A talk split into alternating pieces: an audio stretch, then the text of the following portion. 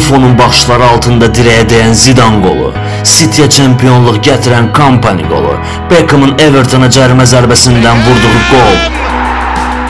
Bunların hamısı sonuncu qoldur. Daha çox isə bizim sonuncu qolda. Futbola baxışınızı dəyişəcək bir proqram.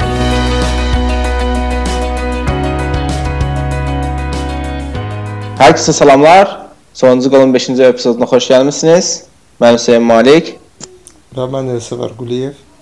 Elsəvər, bu həftə izlədiyin sonuncu qol hansı olub? İzlədiyim sonuncu qol e, dünənləri e, e, yox, bu günləri e, Dijon e, Anjenin təkrarına baxırdım. Anjenin qolu idi. Amma Fransa liqası da başladı axı. Bəli. Ha, məşhur o Legupin bir dənə şey var idi. Fransa liqası təxirə salından sonra şey demişdi. Ağılsızlar demişdi şeyə. Fransa şey liqası idarə edənlərə və pandemiyanın Amma- pik vaxtında təzədən başlatdılar liqanı. Amma yarım finala e, iki dənə Fransız komandasının çıxması da demək ağılsız qərar qəbul etmək. Doğrudur, doğru razıyam. Nəsə podkastı başlamazdan əvvəl bir şey demək istəyirəm. Keçən həftə bir sual vermişdik. Yəni elsəvər bir sual vermişdik. Vurğulamaq istəyirəm bunu. Demişdi ki, Azərbaycan məşhur taktikasını ilk dəfə nə zaman keçirilib? İkincisindən zərbə Bəli, ikinci sərvə taksisi ilk dəfə nə zaman olub? Ə, hətta bunu biz e, şey elədik ki, yəni Elsəvər mənə demişdi ki, və biz bu qənaətə gəlmişik. Bu ilk dəfə US oyununda olmuşdu 2003-cü ildə. Amma təəssüflə ki, biz səhv eləmişik. Yəni buna görə bir üzr istəyək hər kəsdən. Ə, və buna görə biz ipucular da vermişdik ki, oradan belə demişdik ki, transfer rekordçusu olub. Nə bilim, sonuncu şey uğurları 2016-cı ildə olub, amma deyilmiş. Biz biraz araşdırdıq bunu. Mən YouTube-da tapdım. Hələ məşhur o Oser faciəsində 10-0-lıq oyunda. Bunu var idi bu epizod hətta. Mən YouTube-da onu gördüm. Daha sonra da ki biraz araşdırmadan sonra Ramil dedi səhv eləmirəmsə sevər. İsrail oyununda olub ilk dəfə 1996 Avropa çempionu seçmə oyunlarında. Buna da ki iki nəfər həqiqətən yaxınlaşdı. Bir Fuad Şərifov idi. Yəni ki deyir ki, ağlıma bu gəlir ilk dəfə, yəni bu ərəfələrdə ola bilər. Prosesini verir ipuculara görə ağlıma Slovakiya gəlir. Bəlkə indi doğru ipucu versəydik, o İsrail tapardı. İkincisi də Emil Məmmədov var, yenə Twitterdan. O dəqiqliklə dedi ki, Asanın e, Mücavadovun dövründə olub bu yəni taktika. Yəni ki, üstə basa-basa dedi ki, yox siz səhv edirsiniz, belə şey ola bilməz. Ya Allah təbrik edirik və Allah jurnalları. Ramil, bir də Ramil Əliyev. O da Ha. İsrail cavabını vermişdi. Hə, bir də Ramil, yəni ki, o ərəfələrdə olan bütün cavabları qəbul eləyirik ki, 3 Bəli. dənə nəfər, 3 nəfərə jurnalı göndərəcəyik.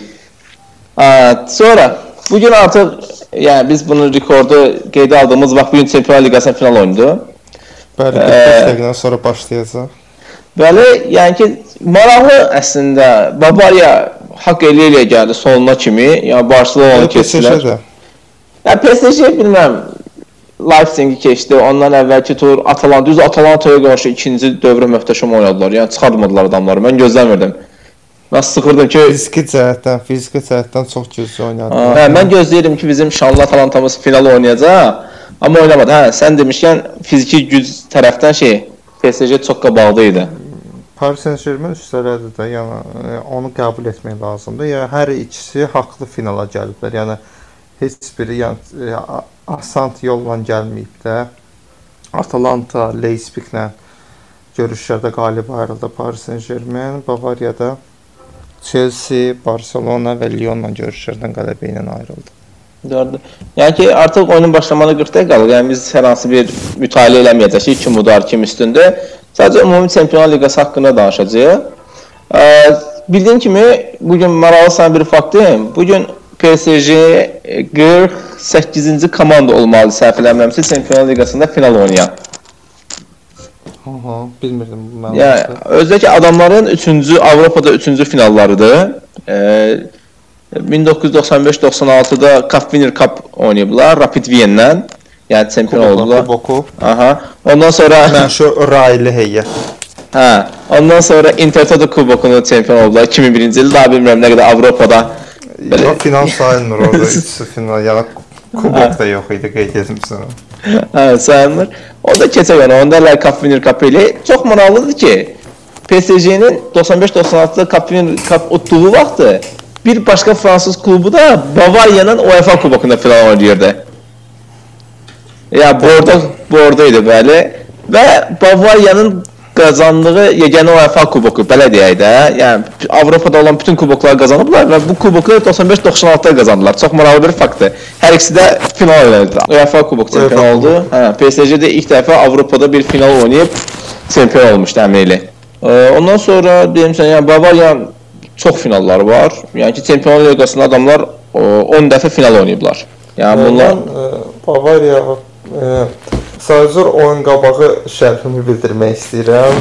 E, yəni PSG-nin şansı var çünki Bavariya ən zəif nöqtəsi mərkəz müdafiəsidir. Yəni Alaba və Boateng. Yəni e, PSG də sırf individual olaraq e, hücumlar təşkil etdiyindən e, Mbappe və Neymar hücuma qatılacaq. E, Görək ki necə olacaq. Yəni e, necə proqnoz vermək istəmirəm, amma Bavariya e, şansları əlbəttə ki 50-50-yə qiymətləndirilir. Yəni PSG-nin də şansı var çempion olmağa. Görək necə olacaq. Sən ə, xatırladığın bir Bavariya finalı var belə? Yəni ki, sonuncu dəfə 2013 ili səhv eləmirəmsən, çempion olduqları il idi. Mənim həyatımda e, tam baxdığım final ilk final olub Bavariya Valensiya finalı. 2001. Aha. Mən Valensiya Real finalını da izləmişəm ikincidə. Sadəcə onu ikinci hissədən izləmişəm o zaman. Amma e, tam yəni e, 90 dəqiqə və əlavə vaxtlarını izlədiyim ilk final e, mə- Bavariya Valensiya finalıdır. E, Mehmet Şol penalı qaçırır, sonra Mendieta penaldan qələbə e, Mendieta hesabı açır, daha sonra Effenberg e, hesabı 1-1 edir. İkinci penaldan sonra oyun sonrası penaltilərdən sonra Canizares'in göz yaşları Kanonu təsəlli etməsi Canizares e, ikinci ağır zərbə oyunçu oyun zamanı onun e, anası vəfat edir və oyundan sonra məlum olur bu. Kanonu sakitləşdirir. Yəni ilk baxdığım final Bavariyanın bu finalı olmuşdur. Yəni ikinci tam ümumiyyətlə baxdığım Çempionlar Liqasının tam finalı elə Bavariyanın e, 2000-2001 mövsümündə olan Valensiya ilə olan finalıdır. Və sənin izlədiyin final hansıdır Bavariyanın təmsilində? Mənim yəni mənim ümumiyyətlə baxdığım ilk final 2005 olub. yəni təbii ki, ondan sonrakilər sonraki dövrdə olan Bavariya oyunlarına baxmışam mən. Bir də bir dənə düzəliş eləmək istəyirəm. Bayaq dedim 43 komanda, amma deyil 41 komanda, 41-ci komandadır PSG Avropada final oynayan, Çempionlar Liqasında final 48 oynayan. demişdin. Hə, 41 imiş. Qeyd eləmişdim, prosta qeydimi indi tapdım. Bizə Çempionlar Liqası finallarından danışa. Ən baxımdan xoşladığın final hansı finallardır? 2005-dən bu yana. 2005-dən bu yana. Hə, mən elə ilk 2005 ağlıma gəlir də dəqiq olaraq, məşhur. Çox sağ ol. Bilirəm səndə xatirələr yaxşı deyil onun. Hə, qal. Həmin gecəni yatmamışdı. Məsəl üçün Monaco Porto finalı mənim üçün çox maraqlı finaldır. 2005-dən sonra dedin. 2005-dən 2000-dən sonra desəydin mən nə Mən olacaqdım? ümumi baxdıqlarımı deyirəm də. Porto 3-0, yəni o finalda ilk dəfə olaraq 360 dərəcəlik video qrafika yaranmışdı. Hə, bilirəm. Ya, Yəni sonradan baxmışam oyuna. Bəli, çox maraqlı idi. Daha sonra hansı finalları qeyd edə bilərəm? Manchester United Chelsea finalı çox maraqlı finaldır. Daha sonra da Bavariya Chelsea finalı çox maraqlı. Sonra 2013 e, Real Madrid Atletico Madrid finalı var. Sonra 2015 2015 idi, 2016-da Real Madrid Atletico Madrid yenə. Orada həmişə Simeoneci olmuş, hə. Həmişə istəmişəm Atletico Madrid tutsun o finalları. o da Hər bilmirlər. zaman istəmişəm Atletico Madrid tutsun. Hə, Çünki çox həmin bir dəfə desən Bavariyanı udub gəlmişdilər finala. Pep Guardiola Bavariyasını. Bir dəfə də kim udmuşlarsa çox çünki çox xoşuma gəlir, simpatik gəlmişdi Bavariya udmuşlar. Ha, yadıma gəldi. Griezmann səfəri qol vurmuşdu. Bəli, bəli. İndiyə qədər Bavariya demək demişdim ki 5 dəfə udublar. 3-ünü ardıcıl udublar 1974. Karius finalı var sonra. Hansı final? Karius finalı. Ayda, ha, Karius. Ondan sonra travmalı Beşiktaşa gəlmişdi. İndi klub tapıb o özünə. Yo, Liverpoolda da məşqlərə çıxır hal-hazırda. Elsəvər gəl bugünkü oyunu biraz şey eləyək, danışaq çox düzdür. Sonra keçək e, Sevilla kubokuna. Bugünkü görüşün nədir Bavariya PSG finalı haqqında? İndi bir çoxları Bavariyanın qələbəsini düşünür. Mən də şəxsən inanıram ki, Bavariya qələbə qazanmağa daha yaxındır, amma şansların yarı-yarıya qiymətləndirir. Bir daha qeyd edirəm ki, Bavariyanın e, mərkəz müdafiəsində çox böyük boşluqlar var. və Mbappe, e, Neymar kimi oyunçular da bundan yararlanmağa çalışacaqlar. Və qeyd edim ki, Lyonla o buraxılan boşluqlar da var idi. Barselona oyunu. Barselona 8-2 qalib gəldi Bavariya. Amma hesab 1-1 olanda e, Barselona 2 dənə şansı var idi. Biri Messi'nin qapıya vurduğu zərbə ya asması dirəyə dəydi və bir asmasına da e, oyunçular sadəcə olaraq çata bilmədilər. E, təhlükəli epizod və Suarezin tək-bətək qaldığı epizod da var yəni mərkəz müdafiəsinin boşluğundan bu xəbər verir. E, və qeyd edim ki, Neymar, e, Mbappe-də nə Ekambi-də, nə də ki, Depay-da da onlar tamamilə fərqli futbolçulardır. Yəni səviyyə olaraq üstün futbolçulardır. Yəni onlara Lyonla oynan o oyunda olan boşluqlar verilsə, onlar maksimumdan yararlanacaqlar. Buna baxmayaraq Bavariya daha şanslı qeyd sayıram. Razıyam səndən. Yəni ki, sənlə biraz söhbət edən sən demişdin ki, Bavariya çox vertikal oynayan komandadır. Daha həqiqətən ancaq hücumu düşünürlər adamlar. Mən də elə düşünürəm ki, əgər Hə, Hücumu düşünmək ayrı bir şeydir, qapını düşünmək tamam. Qapını düşünürlər. Yəni mənə elə gəlir ki, əgər bunlar oyun mentalitetini dəyişməsə, necə ki, biraz kontrollu oyun oynamasalar, yəni PSG məncə finalın favoritidir.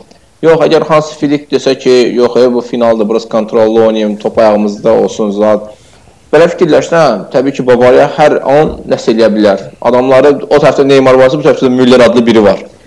Adam Mən sənlə razılaş, mən sənlə razılaşmam çünki Bavariyanın oyun sistemi də odur ki, top bitirdikləri zaman öndə pressing edə. Bu pressinqin başlıcası da Thomas Müllerdir. Bu pressinq başladan.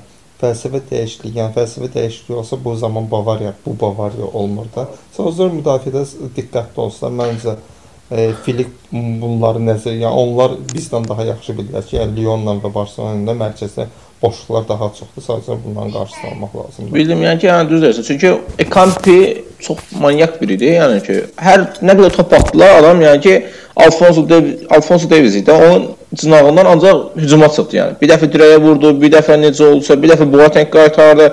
Adamlar o oranı koridor kimi istifadə elədilər. Yəni ki, bura təsəvvür edirəm ki, Ekambi deyil, Mbappe-də tamam fərqli bir şey olar yəni ki. Aralı ara pasları onlara ölümcül ola bilər Bavariya üçün. E, sən kimi qələbəyə daha şans hesab edirsən? Mən axırıncı oyunu nəzərə alaraq hələ də PSG deyirəm. Yəni Bavariyanın belə boşluq buraxmağını nəzərə alaraq. Buradan keçək Sevilla kubokuna, daha doğrusu UEFA kubokuna. Bəli, qeyri-rəsmi adı Sevilla kuboku. Belə sən Andalus kuboku. hə, sən də dedin ki, artıq ə, 6-da 6 elədilər. Yəni ki, 6 dəfə finala çıxıblar, 6-sında çempion olublar. Və maraqlı, Yəni kimi kəs belə bir şey etməyib də. Bəli, Bir yəni dəfə çıxmağı saymayaq da. 100%lik nəticə alıblar. Yəni ki, və belə bir fakt da var ki, e, üç, bu 6 kuboku 3 fərqli məşqçi tərəfindən qazanılıb və bu məşqçilər ilk sezonlarında UEFA kubokları qazanıb. 2006-da Yuxan Ramosdu, ondan sonra Emery idi və ən son deyirsə Lepetoki yenə deyə bilmədim adamın adını. Həmin şəxs tərəfindən. E, mən də e, keçən çıxışlarımızda bas e, soyadlarına e, demişdim də çətinliyimi çəkir. Yəni bu Baskonya soyadıdır ona görə. Basların soyadları çətin tələffüz. Ha. Aspilicueta'dır, ondan sonra Arrizabalaga-dır. Ha, ola bilər. Mən yaxşı, Bir- sən oyuna hər halda baxmısan. Mən baxa bilmədim. Son 16 dəqiqəsinə baxdım. Sənə görə Sevil Son, son 6 dəqiqə sadəcə o son 6 dəqiqə əlavə olmuş 6 dəqiqə hər şey qeyd etdik. Yəni Sevilla nəyə görə bu kuboku daha çox qazanmaq? Yəni son 6 dəqiqədə biz görmüşük ki, e, geridə olan komanda e, hücum edir, asmalar edir, amma son 6 dəqiqədə top Sevilla'da oldu. Yəni 3 dəqiqə ilə out da itdi. Qoymadılar Inter öz. Oralara baxdım. Ümumiyyətlə qoymadılar Inter öz cərmə öz e, cərmə meydançasından çıxsınlar. Yəni meydanın mərkəzindən e, öz qaplarına hücumda icazə vermədi Sevilla. Tam da haqlı qələbə qazandılar. Lopetegui-də e, Avropanın top məşqlərindən olduğunu bir daha sübut etdirdi. Yəni ona haqsızlıqlar olmasına rəğmən. Məsələn, Realda şəxsən mən fikirləşirəm ki, ona haqsızlıq onda yəni şans verilməli idi. Çünki Zidandan sonra ə, qoyulmuş komanda, halbuki artıq yenilənməli komandanın baş məşqçisi idi, amma heç mövsümün yarısına qədər ona şans verilmədi. Halbuki Lopetegui güclü məşqçi olduğunu həm İspaniya yığmasında çalışdığı dövrlər bürüzə verilmişdi və bir çoxları da bilmir ki, 2014-2016-cı ildə Lopetegui Portonun baş məşqçisi idi və Porto ölkə çempionluğu qazanmışdı və Portonun çempionlar qasında son uğuru, yəni 4-də 1 finala kimi gəlmək üçün o Lopetegin e, baş məşqçiliyi, rəhbərliyi altında olmuşdu. Razıyam. Demək, e, o ilk dəfə İspaniya milli komandası məşqçi olanda mən biraz araşdırmışdım, adamı tanımırdım yəni. O vaxt yəni Porto-la o qədər yaxınlığım yox idi, bilmirdim ki, ora məşqçi olub. Ümumiyyətlə bəzi bloqlar oxuyanda onun yəni ki, oyun xarakteristikası haqqında məlumat almışdım və ondan əvvəlki Vicente Del Bosque Vicente Del Bosque ilə çox yaxın oyun mentalitetləri var idi. Yəni ki, pas oyununu çox sevən biri idi. E, U19 21 İspaniya yığmasında çempionluq qazandıran. Aa, doğru deyirsən, ha, tamamilə doğru. Qruplarında çalışır. Tamamilə doğrudur. Bəs sənə görə oyunun qəhrəmanı kim idi? Düzdür, Luke de Jong 2 gol vurub ayrı məsələ, amma sən də onu görsən oyun qəhrəmanı olaraq, yoxsa başqa bir oyunçu var ağlında? Məncə Sevilla bütün oyunçuları. Mənə görə isə fərqli bir oyunçu var orada. Qalatasaraya çıxış etmiş Fernando.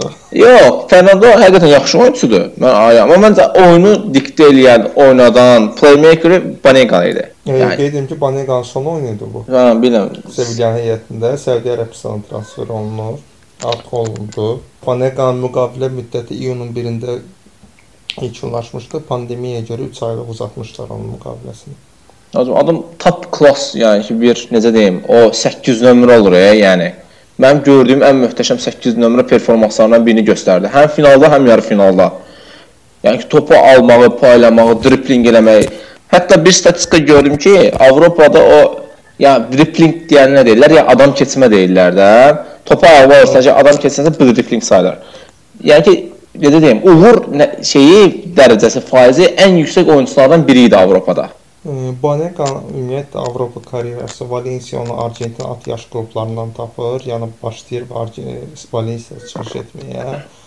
Sonra Valensiya son illəri onun 2014-cü illəri uğursuz olur və Argentina artıq gedir New Old Boys-da çıxış etməyə başlayır. Mən belə fikirləşirdim ki, artıq o qayıtmayacaq Avropaya, amma qayıtdı Sevilla'nın heyətində, daha sonra Inter, Interdə də alınmalı və yenidən Sevilla'ya qayıtdı və son oyunda da möhtəşəm çıxış etdi. Bəli elədir. Bir də e, müdafiəçilər var idi. O Monti'nin tapdığı e, Diego Diego, Courtois möhtəşəm adamdır o. Yəni ki, kasıb Van Dijk-ı da belə deyim də. Simmalı Van Dijk. Cəmal deməyim adam 15 milyon alıblar desə səhv eləmirəmsə onu. Ə- yəni ki, Van Dijk stilində bir adamdır. Yəni ki, iridir. Yasin Bono qapıçıları Mərakeşçi. Cavan qapısı səhv eləmirəm sözdə. Sevilla əsas qapıçısı Val, e, Val Thomas Val, Valçıqdır da, yəni Çexyalı. Amma bilmirəm deyəsən onun Lopetegin araları yaxşı deyil ümumiyyətlə ya da zədəsi var, mən bilmirəm bunu. İkisindən biri də yəqin çünki mən onu e, medallar veriləndə də görmədim heyətdə. Maraqlıdır, maraqlıdır. Aa, Inter haqqında nə deyə bilərsən? Conte qalacaqmı, gedəcəkmi? Demək ki, o- Conte İtaliya futbolunda sən qeyd edin ki, Conte hər zaman narazı adamdır. Onu qeyd edim. o heç nə, Biraz çətin adamdır. çətin adamdır, razıyam. Demək, oyun qabağı stadionda məşq eləyəndə belə bir şey vardı. Inter oyunçuları kruqa, kruq şəklində düzülmüşdü və Dövrə. dövrə şəklində düzülmüşdü və ortada oyunçular var idi. Üçlü şəkildə top almağa çalışırdılar və Conte də girmişdi araya. Conte dayanmadan qaçaraq topu alırdı, yıxılırdı. Deyim ki, Conte o oyunun bütün məşqində iştirak edir. Aha. Aktiv olaraq oyunçularla birlikdə, yəni tək dövrəni nəzərə alma. Bilmir nəyə görə etmişdi. Yəqin ki, öz mm, oyunçuları final öncəsi stressdən azad etmək üçün fikirlərlə özünə yönəldirdi. Bütün ə, məşq prosesində iştirak edir. Yəni mən orada gördüm adam 51 yaşı var. Ha, 51 yaşı var. Yəni ki, mən oradakı onun iştahını gördüm. Möhtəşəm bir şey idi də. Yəni ki, Diamalın qaçırdı, pressing edirdi, qoşuldu, oyunçularla bir yerdə olmağa çalışırdı da. Yəni ki, ayrılmırdı. Oyunçu oyunçuların bir parçası idi hadisən. Yəni ki, oyunda da hər hangimiz olur. Çox oyuna bağlı biridir Conte. Mən istərsəniz bəyənirəm yəni. Həmişə belə məşqçiləri həmişə simpatiyam olub yəni. Bə- Yəni Simeone də bu qismdə bir məşqçidir. Davamlı oyuna müdaxilə eləmək istəyən biridir. Oyunçular bərabər olmaq istəyən biridir. Eyni ilə eyni tip məşq baş məşqçiləri xoşlayırıq biz. Aha. Banega haqqında danışdıq, Conte haqqında danışdıq. Oyunun ortasında birinci hissənin ortalarında Baneganı ya, yaxşı olana xas olmayan hərəkət etdi Conte'yə qarşı. Ondan sonra da şey e, və Conte buna görə sarı vərəq aldı. Co- Conte'nin saçını əl vurub deyib o sənin saçında oyunun kimi saxtadır. Deyir bu saçlı yoxsa parikdir belə bir şey deyib. Hə, balta dəyişmə otağında deyirsən, gözləyirəm. Həqiqətən də sonra açıldılar ki, Conte gelib gözləyib onu. Amma deyir, Panika şey eləmir. Dörtüsü minib avtobusa çıxıb gedir. Hə, sonradan belə bir şey dedilər. Deyir ki, Panika birbaşa avtobusa minib çıxıb gedir. Sonra nə barədə danışaq? Çempionatımız başladı. Allah. Təbrik edirəm sizi. Sən izləyərsən, baxma. Ee, Sumqayıt keçli oyununu izlədim. Aha. Sumqayıt keçli oyununu izlədim ki, Avrokuboklara bizi çıxış edən iki klubumuz. Heç birinin oyunu mənim ürəyə açan olmadı. Mən böyük ehtimalla ikisinin mübarizəni dayandıracaq. Aa, aydındır, aydındır. Halbuki evdə oynayırlar, halbuki biri Makedoniya komandasının oynayır, biri də Albaniya komandasının. Görək, bəlkə indi futbol şansı deyilən bir şey var. Bərbad oynayırlar, Maliki taktiki cəhətdən, fiziki cəhətdən çox bərbad idilər. Yəni qeyd edim də, əgər topun ətrafında bir komandanın hər iki komanda vardı. 5-6 futbolçu yığılırsa bir yerdə, Hı -hı. e, deməli bu komandanın taktiki anlayışı yoxdur. Hı, aydındır. So, izah edə bildim də. Yəni kifayət qədər, kifayət qədər açıqlayıcı oldu. Biraz da Avropa son transferlərdən danışaq istəyirsən. Nəsə bilmirəm niyə görəsən pul yoxdur hal-hazırda. sakitlikdir belə deyim. Belə necə deyim, qeyri-adi transferlər olmur. Pul yoxdur, pul qazanc yoxdur hal-hazırda klublarda. Nədən nə ilə transfer eləsinlər? Türkiyə klubları ümumiyyətlə son 2 ildə transfer siyasəti mənim çox xoşuma gəlir. Axır ki, yəni UEFA-nın UEFA sağ olsun bu maliyyə fair play-ni eləyib. Yəni pullu transferlər olmur artıq. Yəni şovlu transferlər olmur. Bir çox transfer kirayə götürürlər. Zaten sə Türkiyədə vəziyyət necədir? Sən onu Amma onun sən necə deyim, üzünü görürsən də, astarını görə bilmirsən. Türkiyədə düzdür, transfer eləyə bilmirlər. Yəni o buna servis dedikləri şeyi verə bilmirlər. Amma adamlar nə edirlər? Pulsuz qalan, məsələn, klubsuz qalan oyunçulara gedirlər, inanılmaz pullar tökürlər. eyni ilə yenə. Yəni ona görə də yenə də çoxlu problemlər var. İndi Türkiyədə avro məzənnəsinə görə də həddindən artıq böyük bir fərq yarandı. Yəni ki, bir oyunçuya görə, məsələn, Falcao keçən il bonuslarla bir yerdə 7 milyon evro. Yəni ki, dedilər ki, Monacoya pul vermirik biz. Ancaq maaşını verəcək. 7 milyon evro, 5 milyonun bunun necə deyim, net alır, 2 milyon bonusları var. Bu hər arada avroya vuranda gəl bütün oyunlara çıxsa adam 56-60 milyon TL pul eləyir.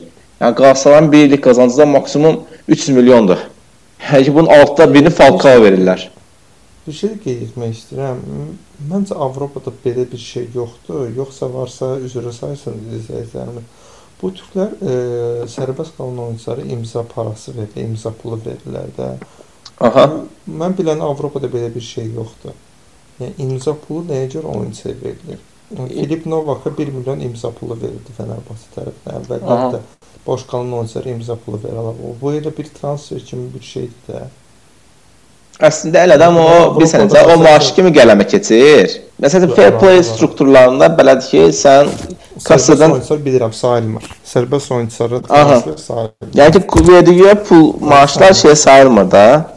Oyunçu deyir ki, onsuz ala bilmirsən başqasını.